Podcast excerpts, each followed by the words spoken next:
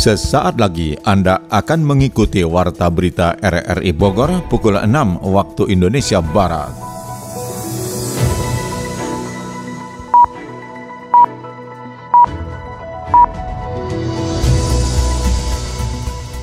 Selamat pagi, Saudara, Warta Berita RRI Bogor akhir pekan Minggu 10 April 2022 kami isi dengan rangkuman berita sepekan. Siaran ini dapat Anda dengarkan melalui aplikasi RRI Play serta turut disiarkan Radio Tegar Beriman Kabupaten Bogor. Bersama saya Mukhlis Abdillah, inilah rangkuman berita sepekan selengkapnya.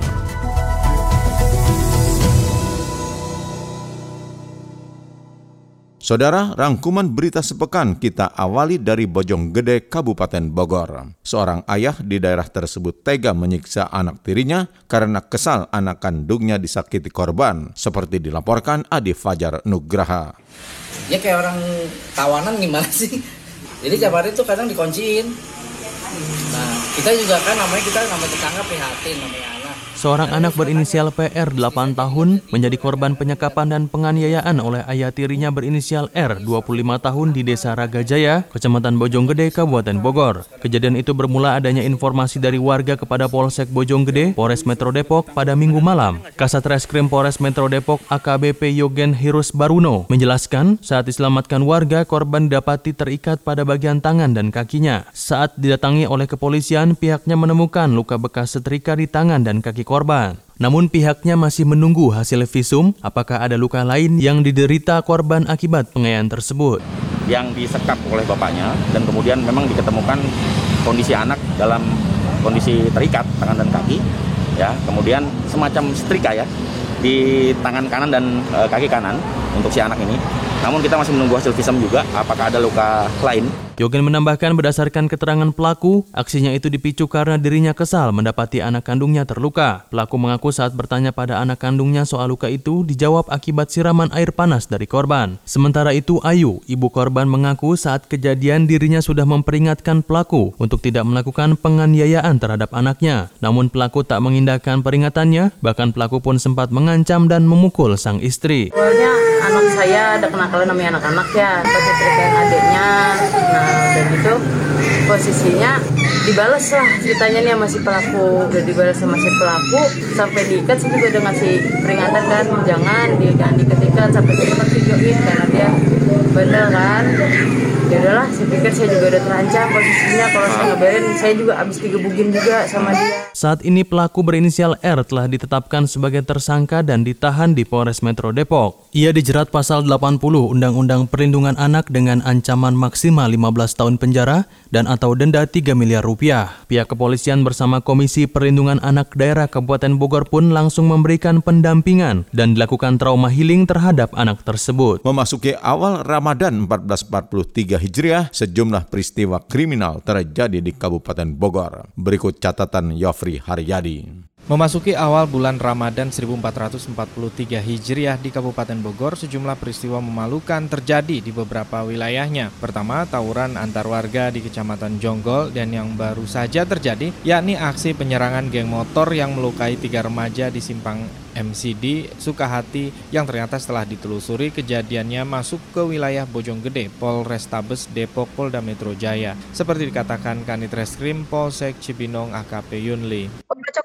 Mana? MCD. Oh enggak, MCD bukan kita TKP-nya Bojonggede. Iya, oke. Okay. Pemerintah Kabupaten Bogor melalui surat edaran Bupati Bogor juga telah melarang kegiatan berkumpul pada malam hingga dini hari selama Ramadan ini, termasuk memaksa kepada usaha hiburan dan panti pijat tidak diperkenankan untuk beroperasi. Menjawab hal itu pun Sekretaris Dinas Pol PP Kabupaten Bogor Iman Wahyu Budiana menegaskan operasi pekat sudah dilakukan bahkan di tingkat Pol PP Kecamatan wajib melakukan razia rutin penyakit masyarakat namun dihadapkan dengan penggunaan aplikasi komunikasi dan jaringan internet oleh para pelakunya sehingga sulit terdeteksi. Gini dengan cara sekarang dengan online itu yang lebih bahaya, ya, ya. lebih bahaya kan memang tertuju seperti itunya. Biarkan aja kalau terselubung kan tidak ada nih penggemarnya kalau misalkan adanya. Hmm. Tapi kalau dengan aplikasi memudahkan orang yang ketangkap sama saya apa coba? Yang ada di kamarnya masing-masing itu. Anak di apa mereka itu yang masih bujangan-bujangan.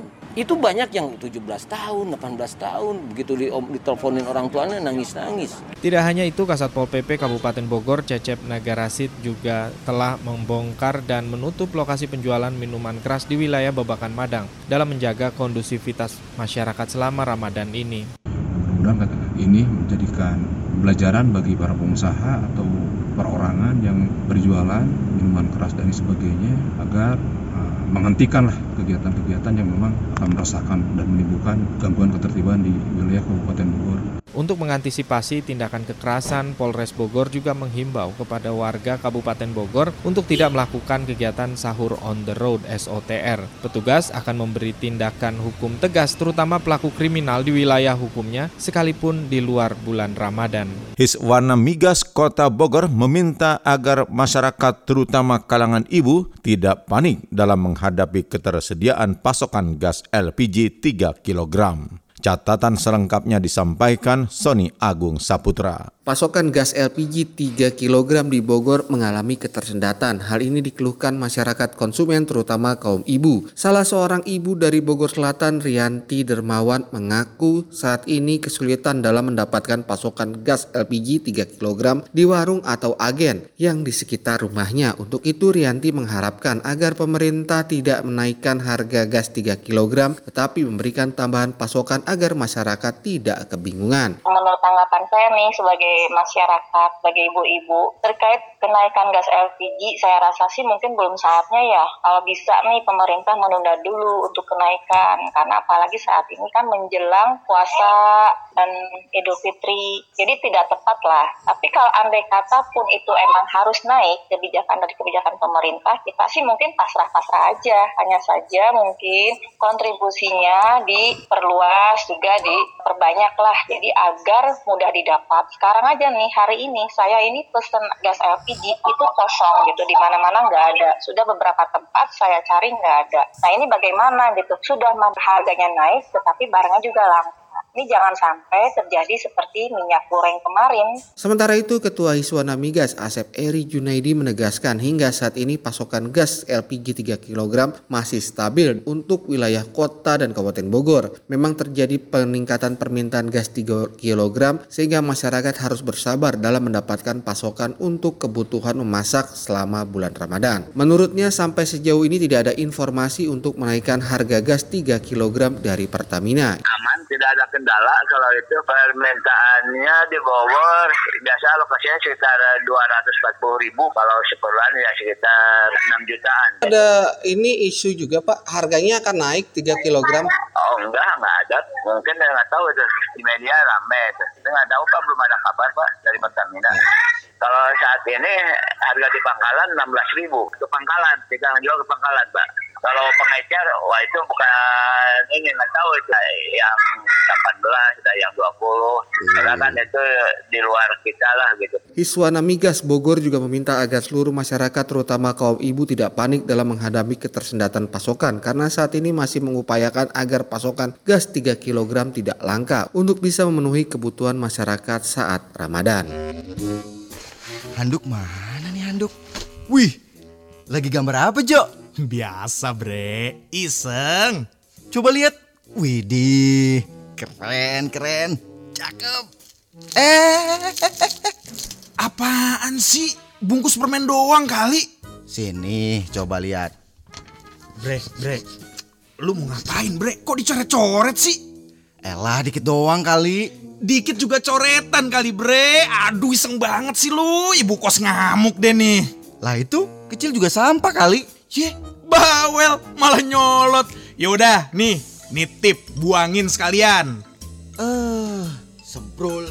Buruan bre, gantian mandinya. Menteri Perhubungan Budi Karya Sumadi memastikan kereta api Bogor Sukabumi sudah bisa dinikmati publik pekan depan. Pada uji coba kereta api Bogor Sukabumi akhir pekan lalu, dirinya untuk sekian kalinya melakukan inspeksi jalur dari Bogor ke Sukabumi itu. Ini tidak lain karena perintah Presiden untuk memastikan konektivitas yang vital.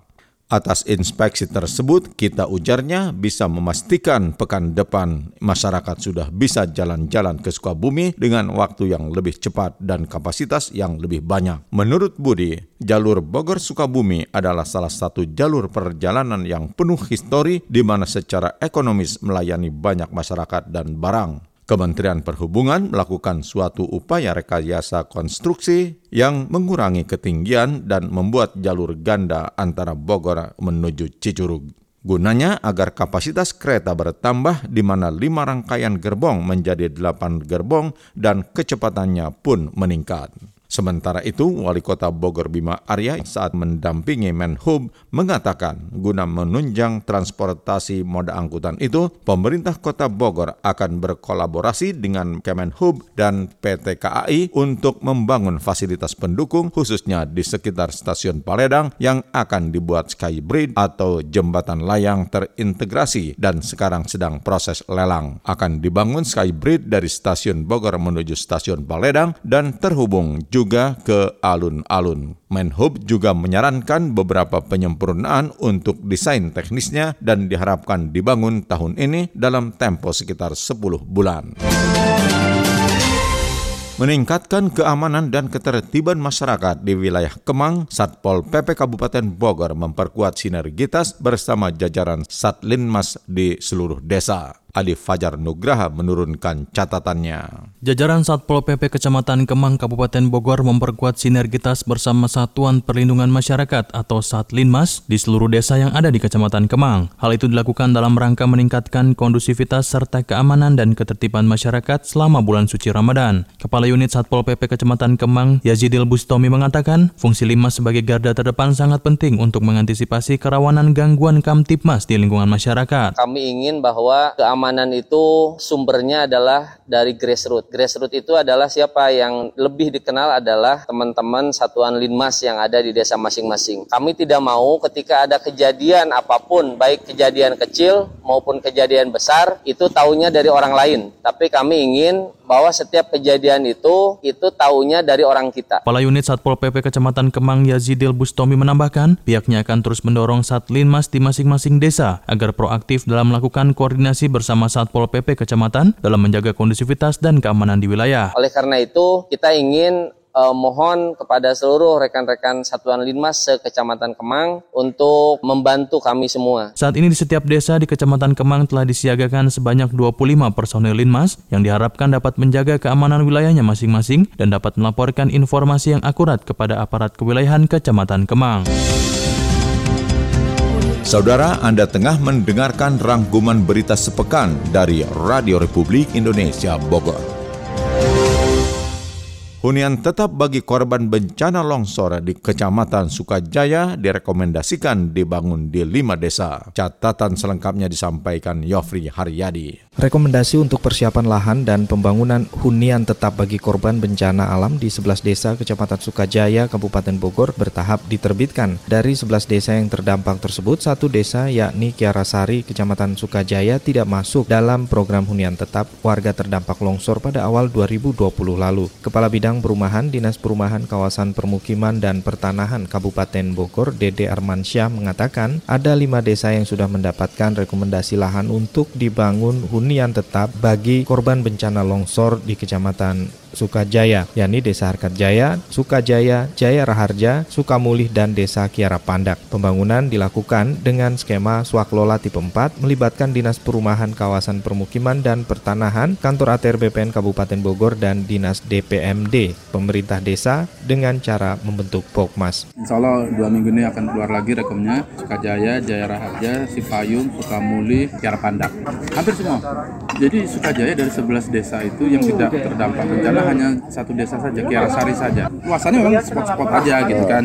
Tidak dapat di sini, pindah kampung. Rumah kita yang bangun tahun ini, tahun ini dan nanti kita lanjutin juga tahun depan. Jadi skema pekerjaan pengerjaannya masyarakat kita kita suruh membentuk Pokmas. Jadi yang mengerjakan nanti adalah Pokmas, kelompok masyarakat. Sifatnya adalah swakelola, swakelola tipe 4. Ada 56 hektar lahan yang sebelumnya adalah lahan PTPN 8 Cikasungka diberikan ke kepada Pemkap Bogor untuk dibangun huntap. Di Desa Sukaraksa, Kecamatan Cigudeg, 205 unit dan Desa Uruk, Kecamatan Sukajaya, 358 hunian tetap dengan melibatkan pihak ketiga atau proses lelang. Sementara untuk lima desa yang akan dibangun hunian tetap pada 2022 ini dilakukan sepenuhnya swadaya dari pemerintah daerah dan masyarakat. Komisi 3 DPRD Kabupaten Bogor, Nurodin memastikan pembangunan hunian tetap secara swadaya, masyarakat aman secara finansial. Sebetulnya huntap itu kalaupun mau dicoba Pak untuk bagaimana dikembalikan kepada kebiasaan lama. Kalau dulu itu yang namanya korban bencana itu diberikan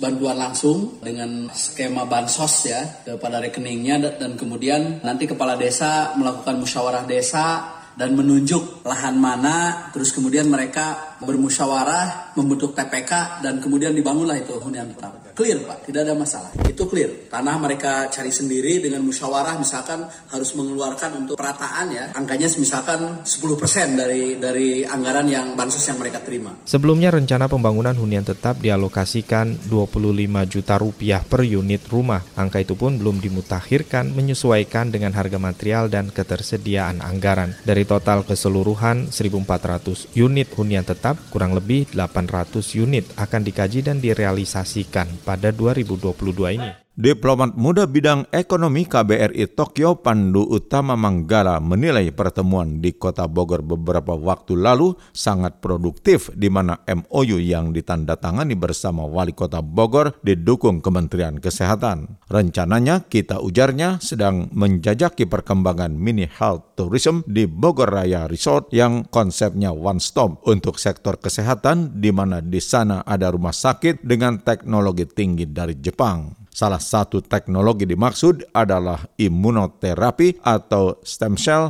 untuk pengobatan kanker, selain akan ada juga pembangunan wellness, yaitu semacam klinik kecantikan dan kesehatan. Menurutnya, beberapa peluang kerjasama ke depan selain di bidang kesehatan juga pengembangan kerjasama sister city antara kota Bogor dan kota Kisarazu di Jepang. Pandu menambahkan sudah ada dua perusahaan Jepang yang ingin berinvestasi di kota Bogor untuk membangun restoran autentik Jepang dengan melatih secara khusus orang Indonesia guna menjadi chef dan membangun pabrik jamu sitake. Khusus jamur shiitake, informasinya sudah sempat ada pembicaraan dengan IPB University karena lokasi di kota Bogor dinilai cocok untuk pembangunan pabrik jamur tersebut. Harapannya wali kota Bogor bisa ke Jepang untuk menindaklanjuti MOU dengan mitra-mitra yang sudah dikerjasamakan. Pihaknya tambah Pandu akan mencoba berkomunikasi juga dengan Kadin Kota Bogor dan menjajaki semacam friendship of Kadin dengan lembaga sejenis di Jepang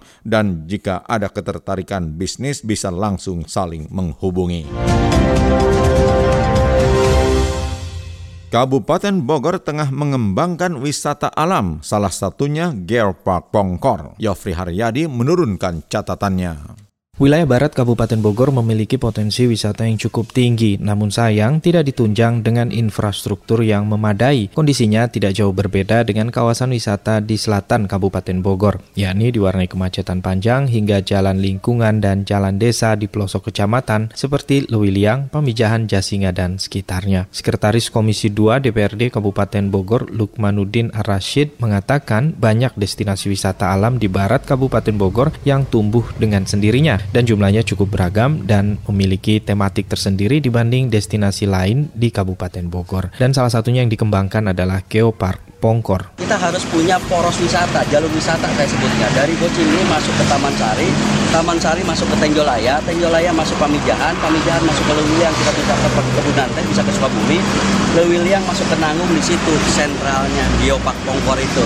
Nah sekarang geoparknya kita bangun, sekarang sedang diusulkan menjadi geopark destinasi internasional, tapi jalannya udah dulu. Salah satunya infrastruktur gitu kan. Di sisi lain, akademisi dari Universitas Mercu Buana Jakarta yang juga berasal dari Kabupaten Bogor, Atep Afia Hidayat berharap dengan dibukanya keran moratorium pemekaran daerah otonom baru, rencana pengembangan ruas jalan penghubung antar kawasan wisata dan potensi daerah dapat diwujudkan. Memang tidak dapat dipungkiri bahwa kebijakan moratorium atau penghentian sementara pemekaran wilayah masih diterapkan pemerintah pusat, terutama dengan alasan anggaran. Jadi kendalanya ada pada pendanaan. Namun pasca pandemi COVID-19 diharapkan keuangan negara dan perekonomian nasional segera pulih sehingga berbagai usulan pemekaran wilayah yang sempat tertunda dapat diprosesnya dilanjutkan kembali. Kabupaten Bogor Barat merupakan kawasan yang memiliki sumber daya alam yang berlimpah, beragam potensi seperti pertanian, peternakan, perikanan darat, kehutanan, pertambangan, dan pariwisata bisa dikembangkan lebih lanjut, terutama jika kewenangan pengelolaan sebagai daerah otonom sudah diberikan pemerintah pusat. Jika melihat tingginya potensi yang ada, seharusnya juga dibuat rencana khusus membuka ruas jalan yang menghubungkan Geopark Pongkor dengan daerah lain seperti Sukabumi dan Kabupaten Lebak, Banten, serta mengintegrasikan jalur Cikidang, Pelabuhan Ratu dengan jalan tol Bocimi yang kini existing. Menurut penelitian para ahli, puasa bisa dijadikan seseorang sebagai salah satu sarana detoksifikasi jiwa. Kita simak catatan Adi Fajar Nugraha. Puasa Ramadan ternyata tak hanya memberikan manfaat bagi kesehatan fisik tetapi juga batin dan jiwa. Segala stres, ketegangan, kecemasan, ketakutan, dan berbagai emosi negatif lainnya dapat diredam selama menjalankan puasa. Demikian dikatakan psikiater Pusat Kesehatan Jiwa Nasional PKJN Rumah Sakit Marzuki Mahdi, Dr. Lahargo Kembaren. Diungkapkannya berdasarkan hasil riset, ternyata puasa dapat dijadikan sarana detoksifikasi jiwa. Hal itu dapat dilakukan karena dalam menjalankan ibadah puasa, seseorang harus mengontrol dan menahan dirinya terhadap sesuatu hal yang bersifat negatif yang dapat timbul dari dalam maupun luar diri kita. Puasa ini merupakan suatu momentum yang sangat bagus sekali untuk detoksifikasi jiwa. Dari beberapa riset dan penelitian dikatakan puasa ini kan suatu upaya yang dilakukan secara sadar untuk menahan hawa nafsu, lapar, haus, dan berbagai perilaku negatif yang lainnya. Inti dari puasa itu adalah sebenarnya pengendalian diri. Kita berusaha untuk menguasai, mengendalikan diri kita dari dorongan-dorongan yang datang dari luar maupun datang dari dalam. Ini akan membuat kita jadi melatih kesehatan jiwa kita secara optimal. Kenapa puasa ini adalah suatu detoksifikasi jiwa? Karena saat berpuasa, kita mengambil jarak, menjauhi hal-hal yang sering kali membuat jiwa kita terganggu. Dengan beragam manfaatnya, dokter Dr. Lahargo menuturkan, pola hidup baik yang dijalankan selama puasa Ramadan dapat terus diimplementasikan pada kehidupan sehari-hari setelahnya. Hal itu dilakukan untuk memperbaiki diri dalam rangka menjaga kesehatan jiwa dan raga. Perilaku baru yang sehat kan terbentuk pada saat puasa. Contohnya ya, misalnya pada waktu puasa ini kan kita jadi ada perilaku berusaha menahan amarah kita untuk tidak emosi. Anger management kita terlatih di situ. Menahan diri untuk tidak merokok atau mungkin pornografi. Semua adalah hal-hal hal yang baik untuk pengembangan diri, karakter, dan kepribadian kita pada akhirnya. Setiap kita kan setiap hari selalu ingin berubah menjadi lebih baik. Dan puasa adalah momentum yang baik untuk perubahan perilaku. Karena ini lebih mudah dilakukan. Ada niat, ada komitmen untuk melakukan ibadah. Dan perubahan yang sudah dimulai ini bisa dilanjutkan ke puasa ke arah yang lebih bagus. Detoksifikasi jiwa selama bulan puasa ini memiliki beragam manfaat, yakni regenerasi sel tubuh yang baru meningkat dan lebih baik, sistem pencernaan dan saraf yang lebih stabil, membersihkan badan dari berbagai toksin, hingga menjadi spiritual coping atau melakukan manajemen stres dengan mendekatkan diri pada sang pencipta. Pemerintah Kota Bogor menargetkan capaian vaksin dosis ketiga atau booster menyentuh 50 persen hingga 21 April nanti, di mana hingga 5 April lalu Kota Bogor sudah melakukan vaksinasi booster terhadap 155.164 warga atau 18,94 persen. Guna mencapai target tersebut, selain sentra vaksin di sejumlah titik rutin, Pemkot Bogor bersama jajaran TNI Polri juga mengandalkan sistem jemput bola baik di jalan maupun ke pemukiman penduduk. Wali Kota Bogor Bima Arya mengingatkan, meski angka kasus COVID-19 cenderung melandai, namun ia meminta masyarakat jangan dulu lengah, jangan sampai pasca mudik membuat semua panik. Pasca lebaran nanti akan bergelombang warga yang masuk kota Bogor dari kampung halamannya sehingga warga harus memperkuat imunitas dan vaksinasi booster akan terus diakselerasi setiap hari hingga menjelang lebaran dengan memaksimalkan semua cara. Hingga Selasa 5 April lalu, kota Bogor sudah mencatatkan capaian 103,70 persen untuk dosis pertama, 91,41 persen dosis kedua, dan 18,94 persen dosis ketiga atau booster. Kabupaten Bogor menargetkan 162 medali dari semua cabang olahraga Porprov Jabar tahun ini. Ermelinda menurunkan catatannya.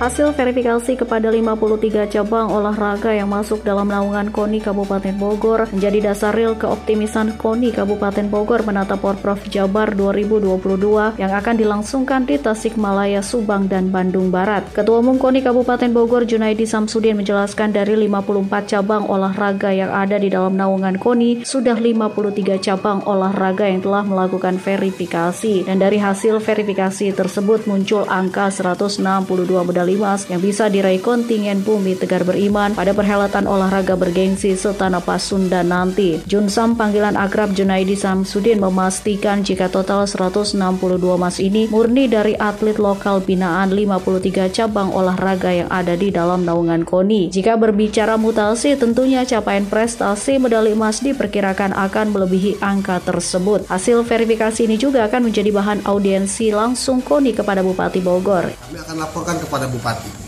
Setelah kami laporkan, nanti mungkin ada arahan-arahan terkait masalah slot untuk mutasi atau tidak.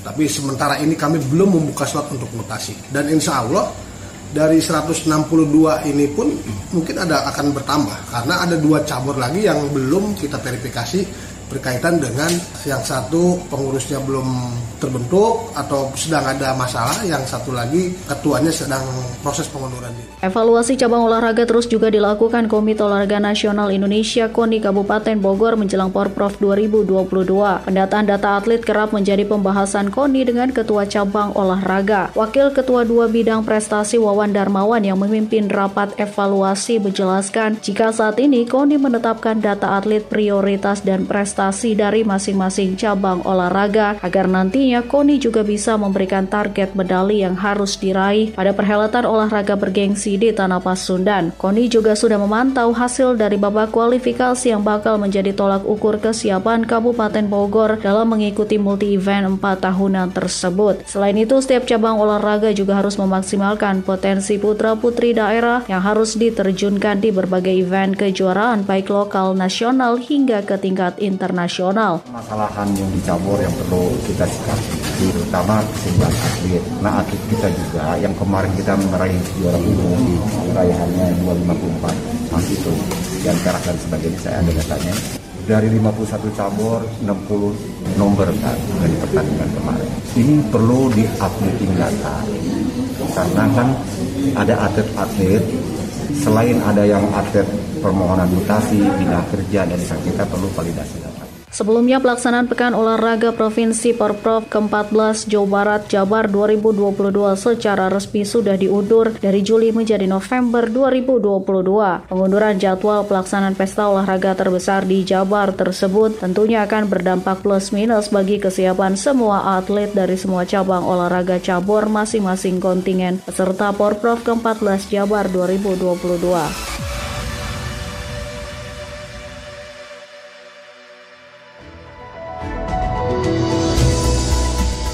Saudara, demikian rangkuman berita sepekan dari Radio Republik Indonesia Bogor. Anda dapat kembali mendengarkan siaran ini lewat podcast kami di Spotify, Anchor, Podtail, dan Google Podcast. Saya Muhlis Abdillah merangkap Des Editor bersama penata teknik Novel Noviansyah mengucapkan terima kasih atas kebersamaan Anda. Selamat pagi dan selamat berakhir pekan.